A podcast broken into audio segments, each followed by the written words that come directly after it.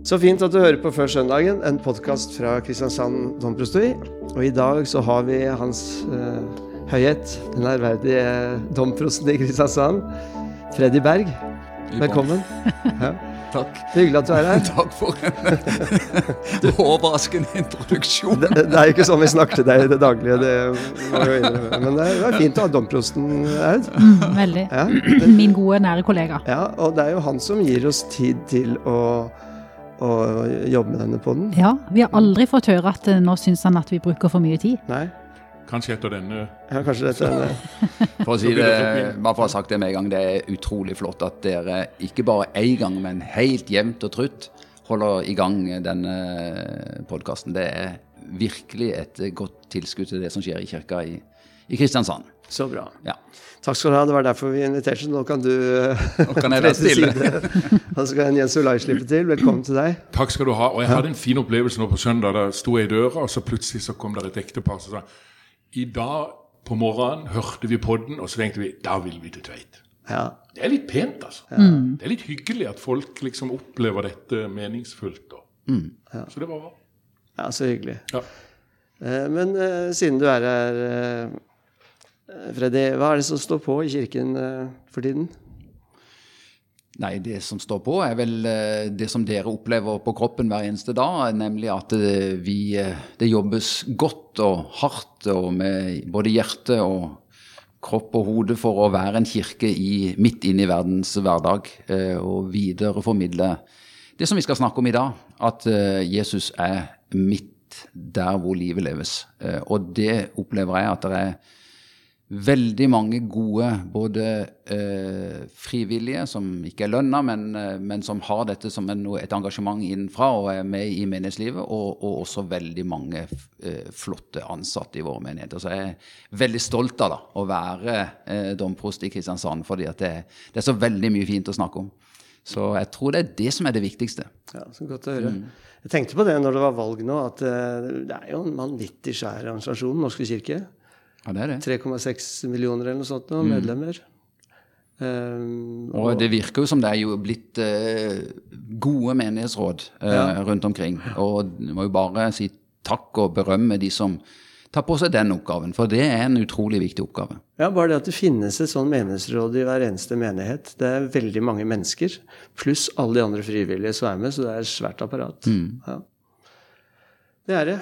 I dag skal vi lese en tekst fra Matteus 8. og det er Litt sånn fleipete sagt. Jeg tenkte Aud, at dette er en sånn skikkelig mannetekst. For mm. her kan vi snakke om svigermor, og, og hun blir reist opp for å lage i stand til dem og sånne ting. Uh, Menn som blir betjent av kvinner? Ja, litt sånn. ja, ja litt sånn. Mm. Rollemønster her blir liksom holdt intakt. Ja, og så syns jeg det manifesterte seg på vei inn hit. For da sto jo du og prata med Jens Olai, og så kom det måke, måke over hodet ditt og gjorde det fra seg. I håret mitt. Ja, Hvordan syns du denne dagen har starta? Uh, den har starta godt, men uh, det var i hvert fall fint at Jens Olai hjalp meg, da. Så nå er jeg tålelig rein. Ja. Så bra. Du, hvem skal lese teksten? Vi, har, vi, får jo stadig skryt for at vi småsnakker lite i starten. Ja. Så vi fortsetter på det nå ja. og leser teksten. Fredrik, Siden du liksom har sagt at da, kan jo jeg, da har jeg jo gjort det jeg skal, så, men jeg kan kanskje få lov til å lese teksten. Du kan lese teksten. Ja, ja, det gjør jeg. Eh, og det er fra Matteus 8. Jesus kom hjem til Peter og så at svigermoren hans lå til sengs med feber. Han rørte ved hånden hennes, og feberen slapp henne. Hun sto opp og stelte for ham. Da det ble kveld, brakte de til ham mange som hadde onde ånder. Han drev åndene ut med et ord og helbredet alle som var syke. Slik skulle det ordet oppfylles som er talt gjennom profeten Jesaja. Han tok bort våre plager og bar våre sykdommer. Slik lyder Herrens ord. Ja. Det er jo verdens nest mest slitte vits, dette vet du hvorfor Peter fornekta Jesus, bannet på at han ikke kjente ham. Det var fordi Jesus helbreda svigermoren hans. Mm. Eh, så den er ikke noe morsom. For, og den beskriver ikke tilfellet her heller, at svigermor var en sånn upopulær eh, Det virker som eh, dette forholdet var ganske godt. Ja, det var veldig godt. Og det sies det fra disse som kjenner dette fra, fra den tida da, at egentlig svigermor hadde en høy posisjon. Og det var viktig for svigersønnen å ha et godt forhold til sin svigermor. Uh, så det at, Og hun hadde en god posisjon i heimen. Så det at når hun er ute, som i hvert fall det jeg leste, så er det liksom en vegg som er ute. Hvem skal nå organisere heimen? Mm. Og, og, og, det er jo litt sånn Så det slår jo i stykker totalt det bildet ja. som du egentlig sier. Det tror jeg er riktig. Og er det ikke ganske tidlige kilder som uh, forteller om et ganske godt forhold der? Du nevnte Ja, det var Clemens fra Alexandria. Alexandria. Ja, han skriver om dette. Og det virker som de lever i et sånn et husfellesskap. Og eh, Peter, han er gift. Han er fra Betzaida. Han er gift med ei fra Kapernaum, og han flytter inn der. Og har det som base. Og det sies om den heimen at der var Jesus ofte på besøk. Og egentlig så skriver da Clemens at, at uh, han mente at familien likte veldig godt når Jesus var til stede, for han var spennende, han var en omsorgsperson, han var en de kunne forholde seg til. Mm. Så det at han er ute på mange reiser sammen med disiplene og Jesus i følge, virka som det var en veldig sånn god hjemmel for hjemme da, mm. i uh, hjemme i Kapernaum. Men i det hele tatt, det å ta imot gjester og kunne være gjestfri, det var vel noe som ga ære og glede til huset? Mm. Mm. Og, men uh, samtidig så har han jo forlatt dem. Altså, han ja. stiller jo det spørsmålet en gang, Peter, at hva med oss som har forlatt alt for å følge deg? Så, så det var vel uh, enda viktigere at det, det hjemmet uh, hadde de ressurspersonene de mm. trengte, i og med at han levde på turné. Og Det tenker jeg er viktig, for Peters kall ble jo hele husets kall. Mm. De levde stort sett uten han, og de levde med masse gjester. Men når da hun ligger til sengs med feber, så kan jo feber høres så uskyldig ut i våre øyne, men feber er jo eh, av og til eh, et indisi på en kraftig infeksjon. Det kan jo hende hun hadde lungebetennelse, det kan hende hun hadde blodforgiftning, det kan hende mm. at, hun, at, hun, hadde influensa eller et eller annet som på den tida var eh, dødelig. Mm. Ja, for jeg tenker jo også at det, det, Akkurat denne historien, altså det, spedalskhet, ikke sant? altså mm. masse sånne veldig alvorlige sykdommer, så her er det bare feber. Ja. Eh, så er det fort å tenke at dette, dette var jo fort gjort Arne. Eh, men jeg tenker Vi glemmer jo fort bare at det, hvor, hvor ny, nytt det er med antibiotika. Mm. Eh, sånn at når vi får infeksjoner, og sånn, så kan vi faktisk gjøre noe med ting som for aller fleste mennesker som har levd, var dødelig. Så, ja, og vi har faktisk, hvis vi skal bruke ordet helbredelse, så blir jo vi helbreda for veldig mye av det som, som de på denne tida kunne dø av. Ja. Og så er det vel òg det at hvis, når denne historien kommer med, så er det vel kanskje ikke bare en harmløs forkjølelse det dreier seg om. Mm. Det må jo ha satt litt spor mm. at svigermor var klein. Mm. Og i hvert fall så klein at hun ikke hadde mulighet til å gjøre det som var hennes mm. eh, oppgaver eh, å gjøre.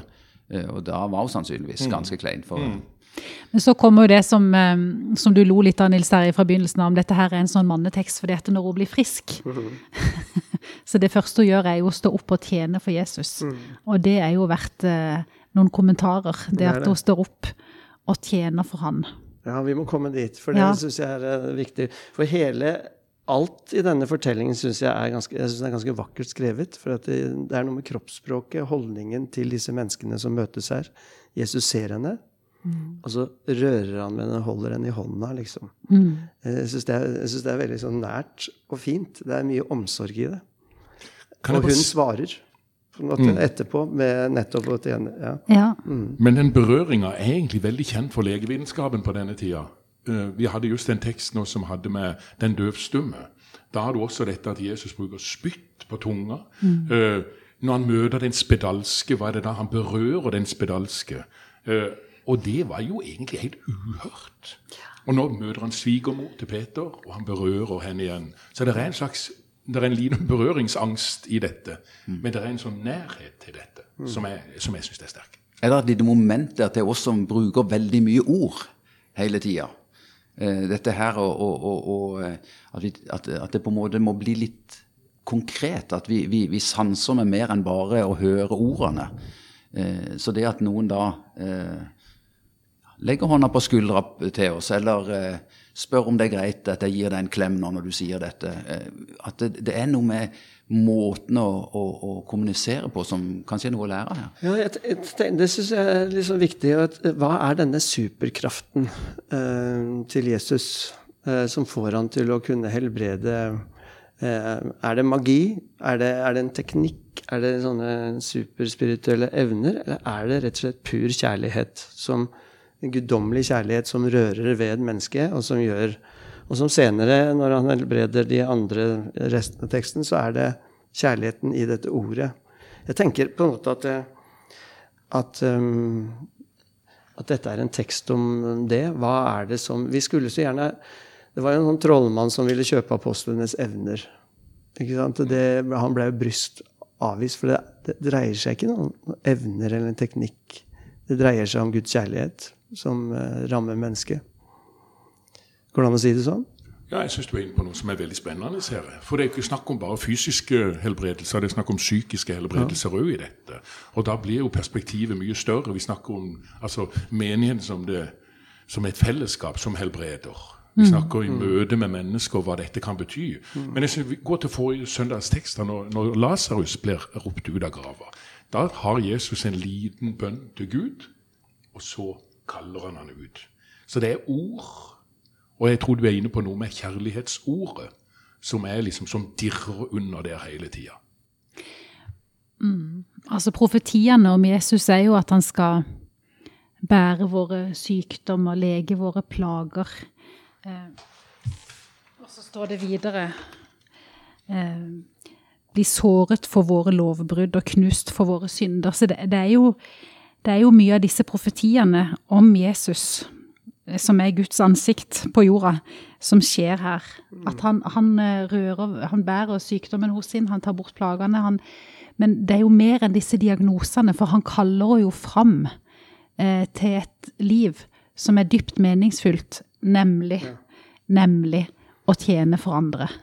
Og, og, og, eh, det ordet som brukes om å tjene her, det er jo diak diakoneia, som er altså diakoni.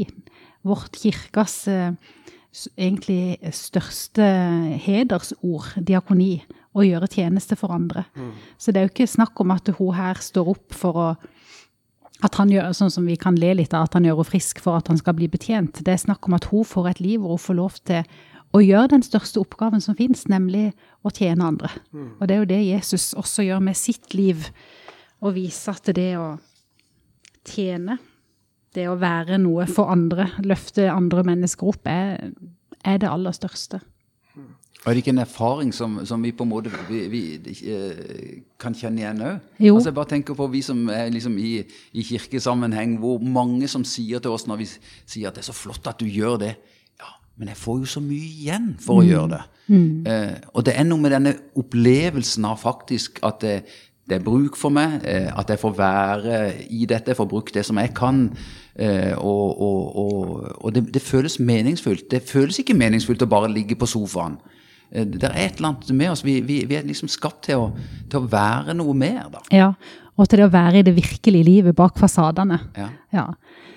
Og så, så, spør du om det her om man har en slags sånn superkraft, eller hva det er. Eh, det er jo et veldig interessant spørsmål som vi kommer borti hver eneste gang som vi har disse tekstene om helbredelse. Mm. Eh, du sa i stad, Nils Herje, at hver gang ordet helbredelse kommer i evangeliene, så er det akkurat som et rødt pip i kveld, for vi blir, vi blir, vi, vi blir berørt av de tekstene, og vi blir litt sånn svar skyldig.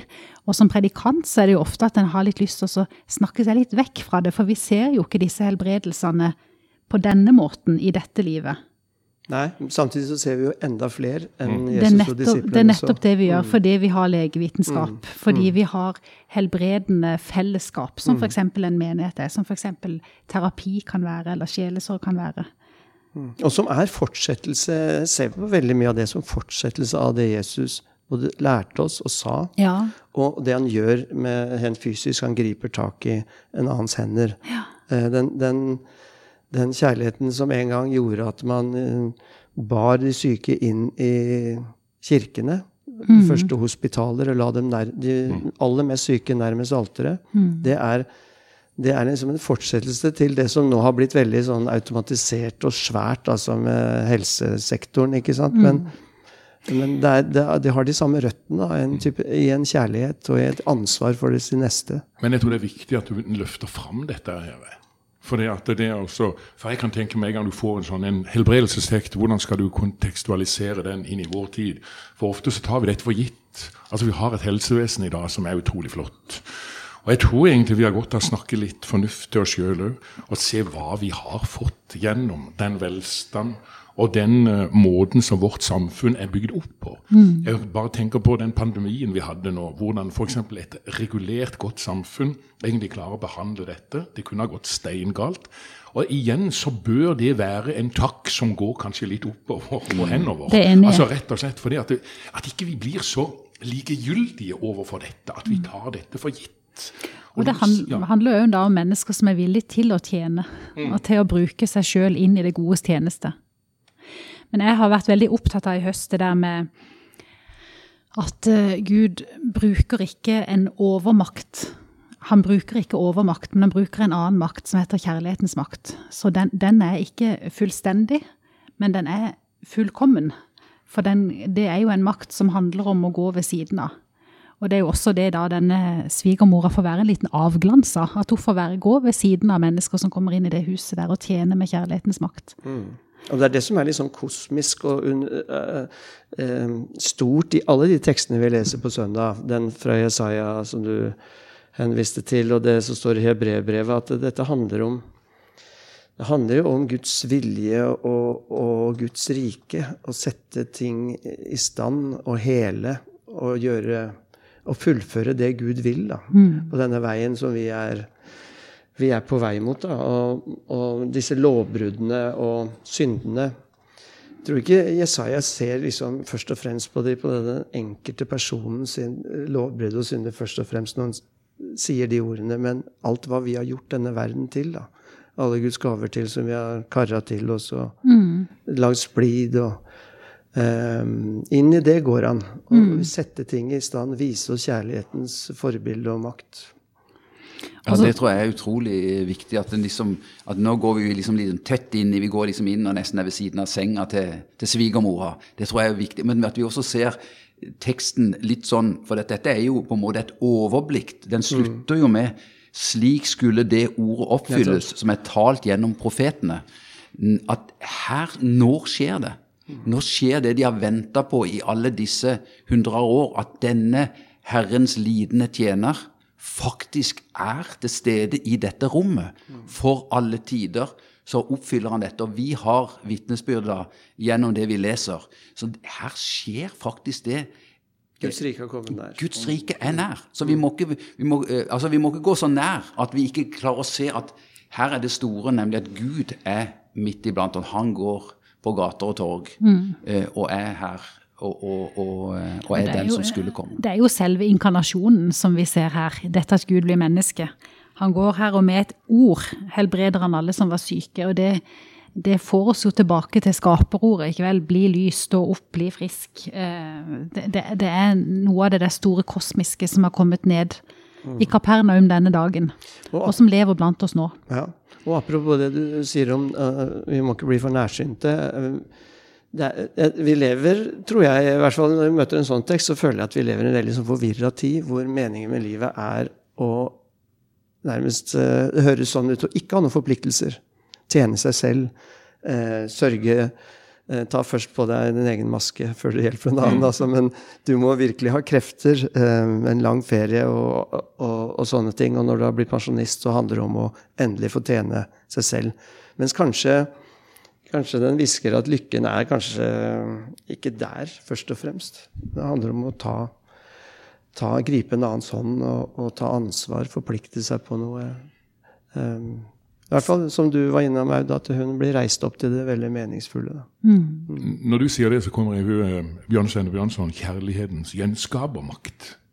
Det vi har fått, mm. skal vi gi videre.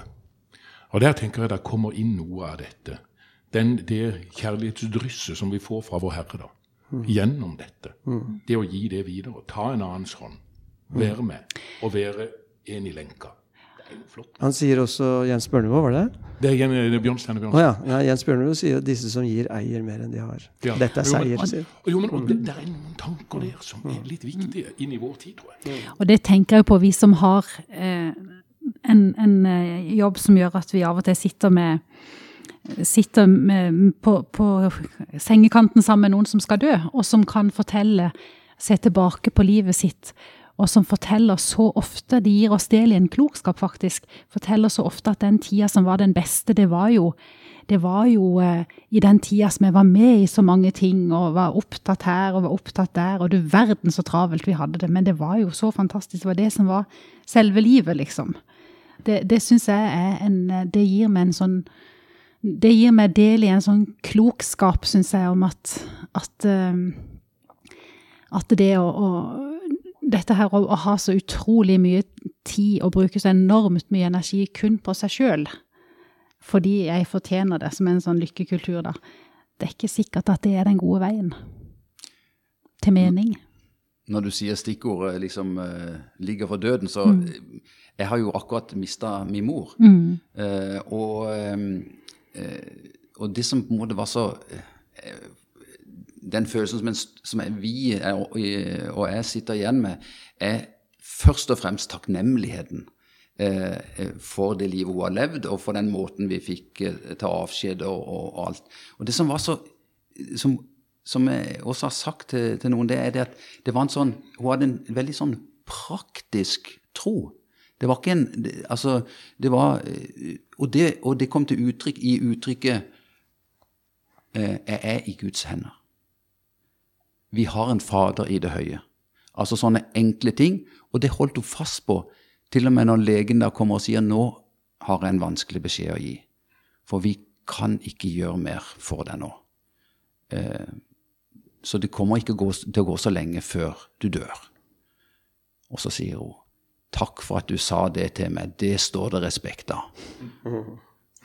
Men jeg er i Guds hender. Og det tenker jeg er en sånn Det er noe av dette. Han gikk inn i smerten. Han bærer og han bærer oss også, bærer også oss inn i det som ligger i av ukjent framtid, inn i det evige. Og For meg er det i hvert fall sånn et lite, det er sånn en sannhetsvitne på at dette holder, også når, det, når, når, det, når vi møter den siste fiende. da. Og det er nydelig. Men når du sitter og snakker om det, så tenker jeg Når Jesus møter disse Denne søndagen er jo en sånn helbredelsessøndag. Det er jo for å løfte opp mennesker til verdighet, til liv. Det å løfte opp det svake for å gi det fast grunn under føttene. Så det er en sånn dyp kjærlighet. Så når du nevner din mor der, det å kunne stå på sånn et grunnlag, da, det er utrolig flott. Ja. Og det er også veldig flott at eh, jeg opplever at det er stigende at flere kontakter prest for å komme helt på det siste. Og da er det jo veldig praktisk, det vi gjør. altså Eh, litt sånn du, du, har med deg en sånn eh, Hvis du er en rørlegger og har med deg noen redskaper For du, du kommer og leser eh, en bibeltekst. Selv om vedkommende ikke er til stede, så leser du den over vedkommende. Du eh, kanskje bruker salve og salve med korsets tegn og sier 'Nå overgir jeg deg i Guds gode hender'. Be Fader vår og lyse velsignelsen. Og synger. Og synger og sender av sted. Mm. Ehm, det er, eh, det er, veldig fint. Og det fikk meg til å tenke det, var, det, skal skrives en doktorgrad nå om helbredelse. Så jeg mm. fikk en mail fra den som skulle skrive denne doktorgraden, om hva slags praksis jeg hadde på det. Og det første jeg tenkte, er huff, de aller fleste jeg ber for, de dør jo ganske kort tid etter. Så det er jo ikke helbredelse, på en måte. Ehm, vi hadde noe på en, en sånn stille kirke hvor vi ba for syke.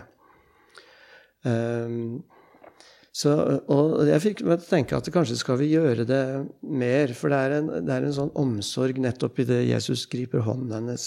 Og, ikke sant? Mm. Eh, og så har vi jo et voldsomt fokus på den psykiske helse. Det har jo Kirken veldig. Eh, både sorggrupper og sorgarbeid, eh, sjelesorg og alle disse tingene her. Men eh, selv om vi har disse gode sykehusvesenene og alle disse tingene, så tenker jeg det er en omsorg i å be for kroppene til folk. Absolutt. Men kan jeg bare spørre deg da, for det at Ofte blir vi veldig sånn resultatorientert når vi ber for syke. og det er liksom, eh, men, men, det du egentlig nå sier, det, det er omsorgen. Overgi Guds hender. Ja, overgi Guds hender. Og der tror jeg det ligger et sånt element som jeg tror vi skal være enda mer frimodige ja. som, som, som en, en, kristen kirke. Og så si det. altså Det er Guds ansvar hva han gjør, om han flytter fjellet eller lar det stå. Det kan vi ikke gå inn på. Men det at vi har det som ja, som i vår verktøykasse, da. At det, mm. der kan vi gå inn. Det handler om håp òg, det der. For jeg tenker eh, det å, å, å leve med en alvorlig, alvorlig diagnose, det, det er som en kanskje vet at, det, at um, sannsynligheten for at du skal dø av dette er ganske stor. Men, men det går an å, å, være tydelig og ærlig på det, samtidig som en også har et lite håp om at kanskje jeg er en av de som, som får leve. I hvert fall ei stund. Og det å be inn i det syns jeg er veldig viktig. Mm. Syns jeg òg.